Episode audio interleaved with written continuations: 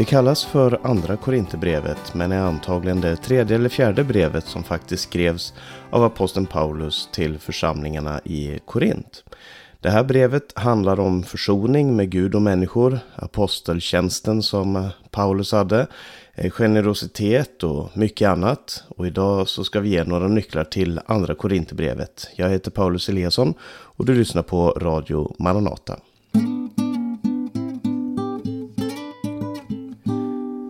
Andra Korinthierbrevet hittar du i det vi kallar för Nya Testamentet. De böcker som skrevs eh, efter Jesu liv, död och uppståndelse.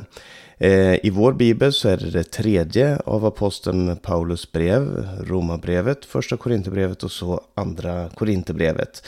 Det är inte en kronologisk sammansättning utan Nya Testamentets eh, brev, Paulus brev, är stort sett sorterade efter storlek. Ehm, det som eh, jag kan ge som information om det här eh, brevet, det eh, gav jag mycket information om också i förra programmet där vi talade om första Korinthierbrevet. Så om du har möjlighet så lyssna gärna på det via podcasten om du inte har hört det. Men det jag sa då var att aposteln Paulus grundlade den här församlingen runt år 51 efter Kristus. Och så skrev han första Korinthierbrevet ifrån Efesus. Och som jag sa i inledningen här så är inte det här det andra brevet som Paulus skrev till Korint. Vi vet att eh, han nämner ett brev i första Korinthierbrevet.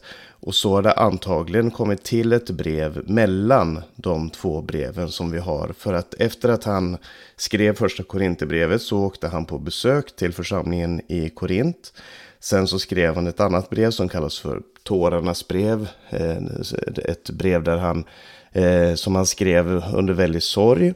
Eh, och nu skriver han andra Korinthierbrevet för att söka försoning med församlingen.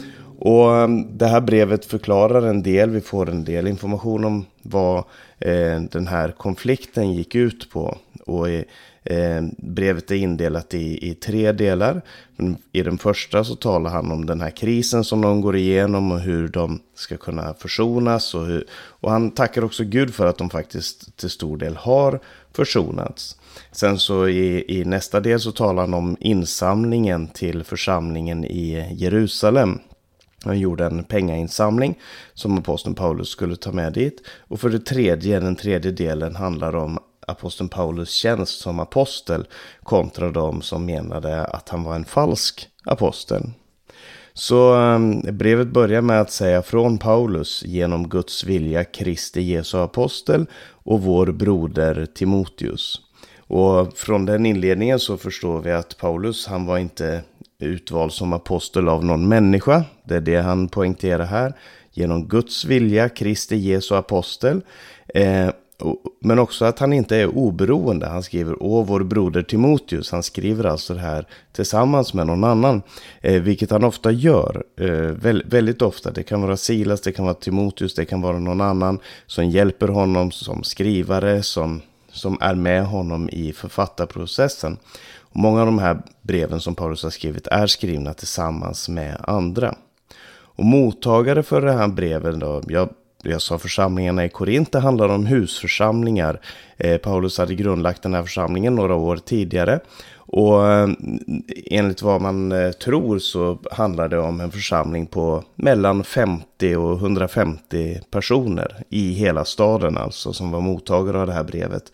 Så det är ingen jättestor församling. Det har inte varit någon megaväckelse i, i de här områdena. Men det ska också sägas att städerna är ju heller inte så otroligt stora som de är nu för tiden. Jag vet inte hur stor Korint är idag, men då kanske det handlar om en 10 000 personer som bodde där och då var det ändå en relativt stor stad. Eh, jordens befolkning var ju inte lika stor som den är nu och eh, urbaniseringen var inte lika tydlig som den är i vår tid. Så en stor stad kan betyda någonting annat eh, än det gör nu. Och ehm, det var inledningen till det här brevet. Vi ska ta oss an texten.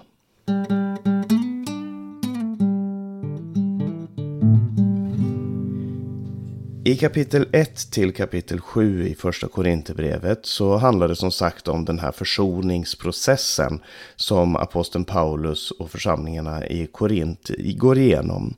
Och um, det första kapitlet har ett väldigt tydligt tema. Han säger att Gud är vår tröstare och han använder det här ordet att trösta många, många gånger. Och eh, anledningen till det är att han för ett argument här som är att en del människor tror att jag, alltså aposteln Paulus, lider för att jag har gjort någonting ont eller för att Gud straffar mig eller, eller att, ja, att det, det finns en, en eh, eh Eh, det, det, att jag lider tyder på att jag har fel. Eh, men jag, precis som ni, vi lider för att kunna bringa tröst till andra människor. Vår erfarenhet av att gå igenom problemen hjälper andra i samma problem. Och det här är intressant därför att eh, i Paulus, alla Paulus brev så, så för han det här argumentet att eh, församlingens makt och den, krist, den troendes makt ligger på ett helt annat plan än det gör i den här världen. Och vi ska komma tillbaka till det lite grann när han, när han talar om sin apostlatjänst. För att det handlar om att se sitt liv i ljuset av korset. Och det gör han också här i början av texten. Han säger så här i kapitel 2, vers 14. Men vi tackar Gud som ständigt för oss fram i Kristi segertåg och sprider sin kunskapsdoft genom oss överallt. Och bilden som han tecknar här är att han är ett segerbyte. Han, han är en besegrad person. Och på den här tiden när, när en kejsare, en härförare, hade varit ute i ett krig och vunnit ett slag så kunde han ta med sig eh, då eh, höga herrar eller stora soldater och så vidare i sitt segertåg tillbaka till sin stad. Och då fördes de här då fram som nu hans slavar eller tjänare. Och Paulus beskriver sig själv som en del av Kristi segertåg. Kristus har vunnit mig, inte med makt utan med sin kärlek, inte med svärd utan genom korset. Och eh, så hans poäng är att det handlar inte om att vara en superapostel med, med stora meriter, utan det handlar om att vara en del av Kristi segertåg. Och senare i, i den här första delen så talar han om sin egen tjänst som att vara ambassadör för Kristus. Och det är det som en apostel är. Vi, vi jobbar inte på egna meriter, vi jobbar inte i vår egen kraft. Utan den som tillhör Kristus, han är Kristi ambassadör. Och han har en förkunnartjänst. Var och en som, som tror på Gud har en tjänst att föra ut till den här världen kunskapen om Kristus. Eller som det står i kapitel 4 och vers 6. Guds härlighet i Kristi ansikte. Det är tjänsten att, att visa världen Guds härlighet genom att visa världen Kristi ansikte, den korsfästes ansikte. Att få Kristus presenterad för sig på ett sådant sätt att man eh, ser Guds härlighet i den korsfäste. Och så Paulus försöker skapa ett perspektiv på vad vi ska vara som kristna. Jag tycker att de första sju kapitlen i eh, Andra Korinthierbrevet är helt fantastiska i det sättet som de presenterar vad det betyder att vara en kristen. Så jag skulle vilja uppmana dig som lyssnar till det här programmet att, att ta dig tid med det här kapitlet, eh, med de här kapitlen den här veckan och se på det här. Och i kapitel 7 så manar Paulus till försoning och han avslutar den första delen, kapitel 1-7, avslutar han med eh, både med glädje och förtröstan. För han har sett att de är på väg åt rätt håll. De har haft en tid då de har varit inne i en konflikt som har orsakats av utomstående eh, personer som har kommit in i församlingen och, och skapat eh, problem och skapat eh, konflikter. Eh, men nu ser han att det här börjar lösa sig och därför så ser han med glädje och, och, och förtröstan fram emot eh, den kommande tiden. Det är den första delen i första Korinthierbrevet.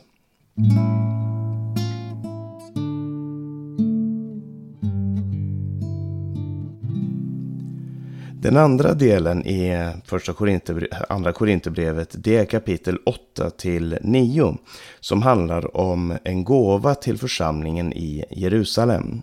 Och det var någon som sa att det är väldigt få som har andra Korinthierbrevet som favoritbrev i, i Bibeln för att den handlar om eh, ett eh, apostoliskt försvarstal och så handlar den om pengar. Eh, och det här kan vara svårt att ta till sig för att eh, det finns en eh, motvillighet i vårt inre mot att höra det här om att vi ska vara mer givmilda, att vi ska vara mer eh, generösa och så vidare. Men situationen var den att det var svält i Jerusalem. Och eh, det var en profet som hade talat om det här, profeterat om att det skulle hända. Och så skedde det också. Eh, och församlingen som var i Jerusalem led speciellt, möjligen på grund av att de blev uteslutna ur den judiska gemenskapen och därför saknade det sociala skyddsnät som det betydde att vara en del av det här. Man, för att man bekände Jesus som Messias så var det svårare att få del av, av den eh, gemensamma eh, hjälpapparaten som fanns i staden. Men hur den var så var det en svältsituation. Och eh, Paulus han hade som en av sina tjänster att samla in pengar till församlingen i Jerusalem. Och vi tänker ju på Paulus kanske först och främst som en förkunnare. Men han tänkte på sig själv som en insamlare. Han, för honom så gick de här två sakerna hand i hand. Att vara en apostel var att eh, förkunna Guds ord, leda människor till Jesus. Men också att visa de här människorna hur Jesuslivet eh, i vårt liv förändrar hur vi lever idag. Det förändrar hur vårt förhållande till vår plånbok ser ut. Hur, hur, eh, hur vi lever när vi ser nöden hos andra människor och kanske framförallt hos syskon. Och eh, Många församlingar de samlade in gåvor. Vi kan se i Romarbrevet, vi kan se i Filipperbrevet, kanske framförallt i Filipperbrevet. Och Filippi var ju en, ligger ju inte jättelångt ifrån eh, Korint. Det är ju, idag så är det ju i samma land, i Grekland. Men, men Eh, I Filippi där står det att eh, Paulus säger att vi, ni är en av de församlingar där jag både har gett och fått. Alltså han har gett evangelium och de har varit väldigt generösa. Och här i, i brevet till Korint så, så nämner han de här församlingarna, bland annat församlingen i Filippi, eller han kallar dem för församlingarna i Makedonien. Som då är den norra delen av nuvarande Grekland. Eh, Filippi, Thessaloniki, kanske också Berea, andra församlingar i det här området.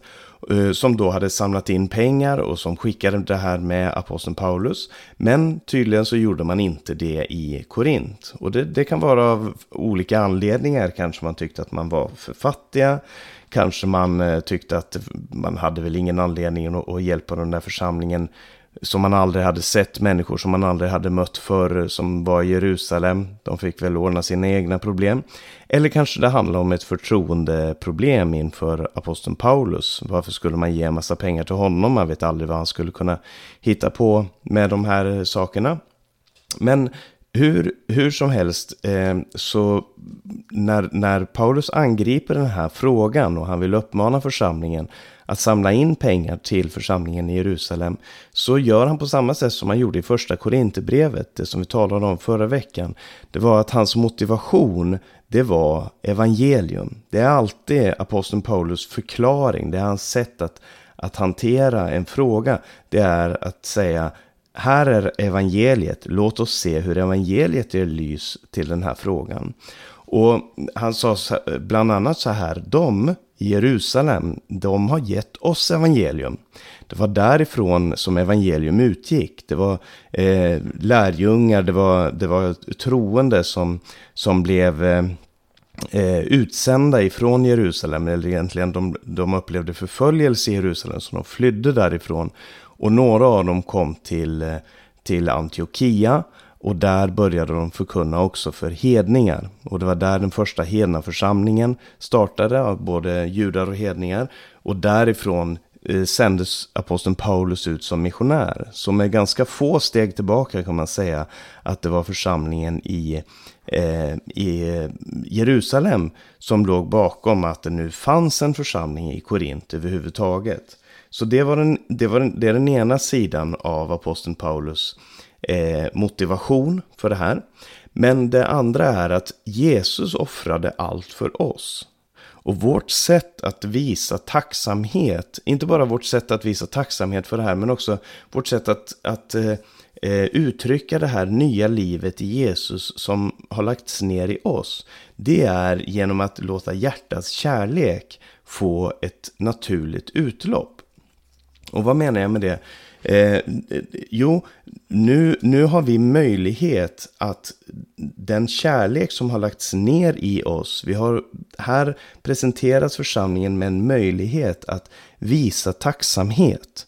Och, eh, och den, om man är förvandlad av Jesu kärlek så kommer man alltid att önska att eh, ge man kommer alltid att önska att ta av det man själv har och förmedla det till andra på ett eller annat sätt. Om det handlar om evangeliets förkunnelse, om det handlar om det som har gett oss fred och ro i livet, eller om det handlar om de eh, materiella godena. Och i den här texten så säger han om församlingarna i Makedonien att de som var fattiga, de tog av sitt armod och de gav ut av det. Och, och de var fattiga på allting men de var rika i Eh, i generositet. De var rika på allt i Kristus Jesus. Och det här har vi fått uppleva.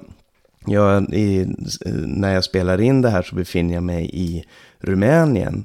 Och eh, den glädje som vi har fått uppleva i församlingarna här när människor har fått vara med och dela eh, av, sina, av sitt armod. De tar av sitt armod och delar det med församlingen för att församlingen ska kunna växa, för att, för att församlingen ska kunna hjälpa andra som är i ännu fattigare tillstånd. Till exempel när vi reste till, ehm, när kriget i Ukraina började här i, i mars, februari-mars eh, i år så åkte vi upp dit med mat. Vi hade samlat in pengar ifrån syskon i Sverige och Norge.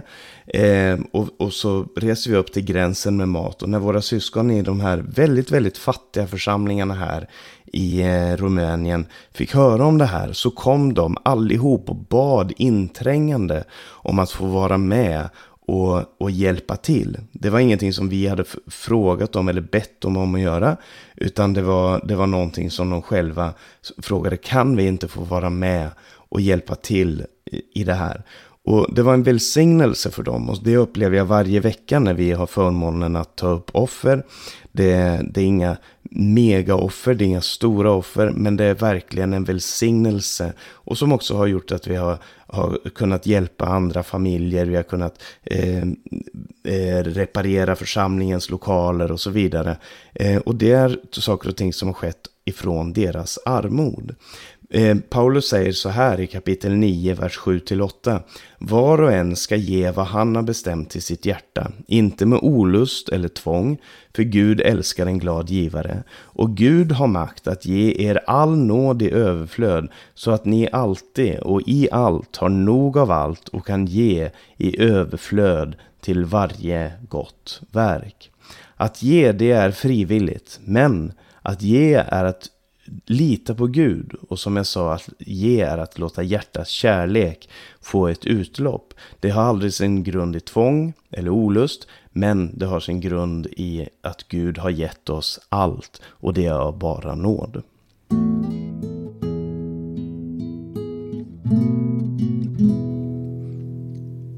Den sista delen i Andra Korinthierbrevet kapitel 10 till 13 eller kapitel 10 till 12 handlar om Paulus och superapostlarna och kapitel 13 är en varning.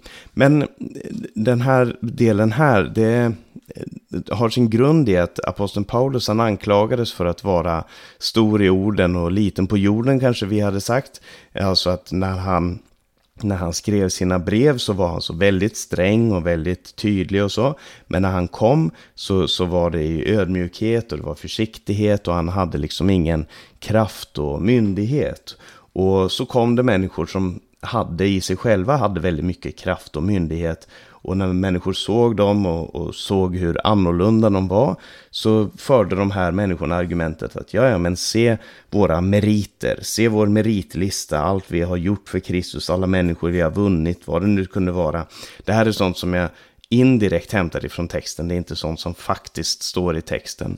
Men, men det fanns ett, ett eh, skryt ifrån de här människorna. De, de kom med sina rekommendationsbrev och de kom med sina eh, meriter. Och Paulus säger att skryt, det hör inte hemma i den kristna tjänsten. Eh, och, och, och, men de här människorna, de, de eh, superapostlarna som man talar om, de ansåg att man var svag om man inte skryter.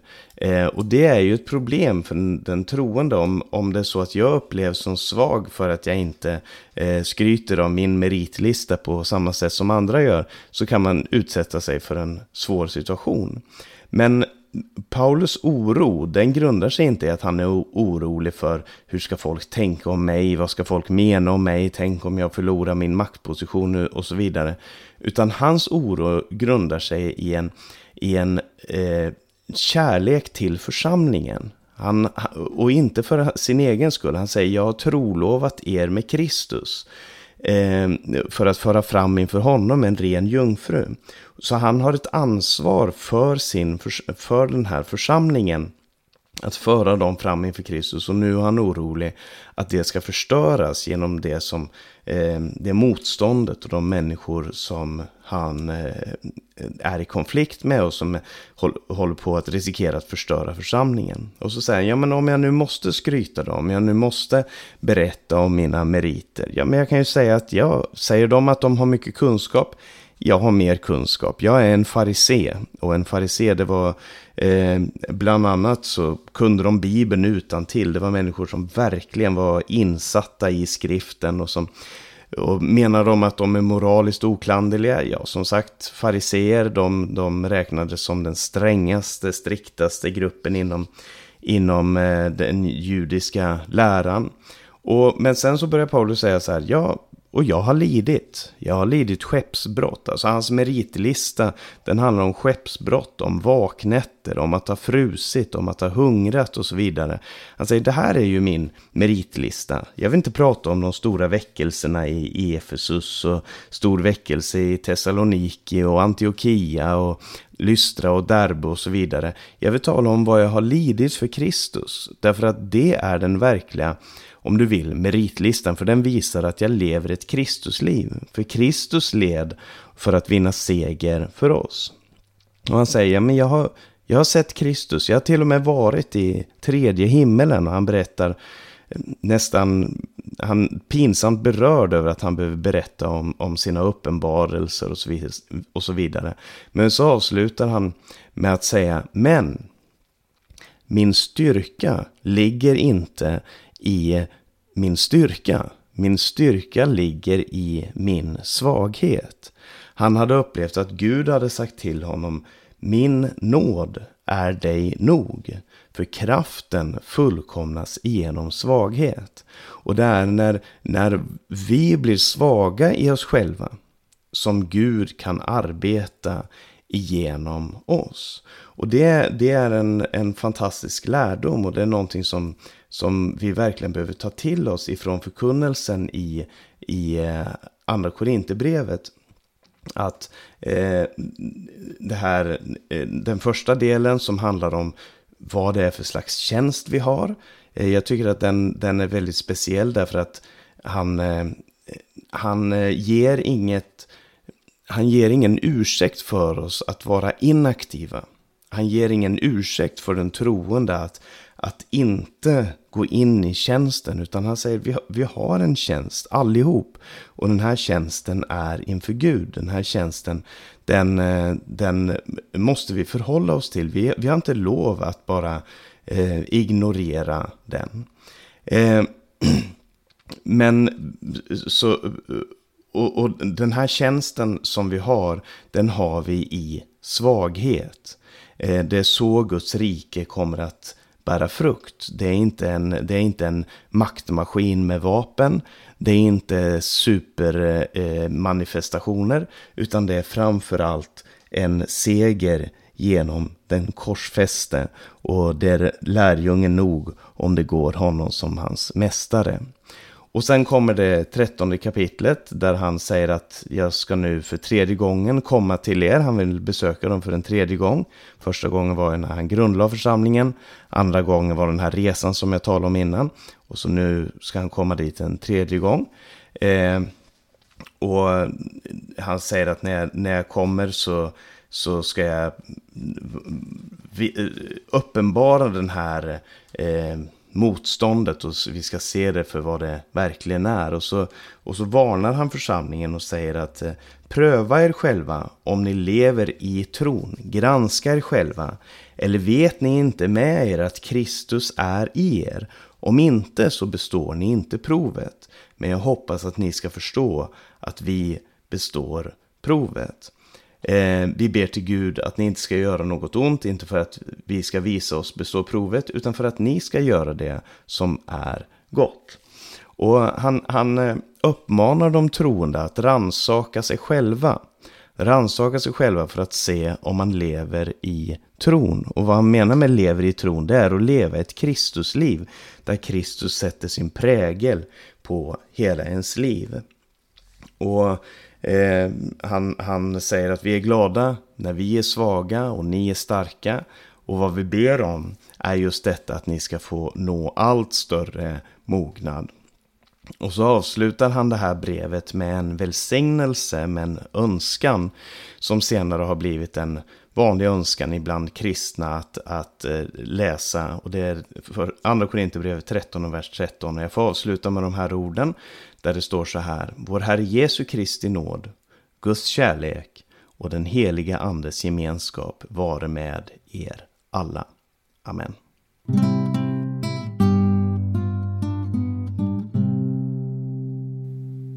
Vi ska strax lyssna till sången Giv Jesus all makt och all ära med Maranataförsamlingen, en lite äldre inspelning. Eh, men först ska jag bara nämna att du har lyssnat på en podcast från Radio Maranata med mig, Paulus Eliasson. Det här programmet det har sänts över Stockholm och Örebro närradio, Stockholm närradio 88 MHz, Örebro 95,3 MHz. Och sprid gärna det här programmet till andra om du finner det värdefullt. Om du har några frågor eller kommentarer, skicka en e-post till info.maranata.se eller ring 070-201 60 20. Och du kan också gå in på hemsidan maranata.se där du kan höra de här programmen. Du kan läsa minasropet och mycket annat. Sprid Guds välsignelse till alla du möter. Vi hörs igen om en vecka.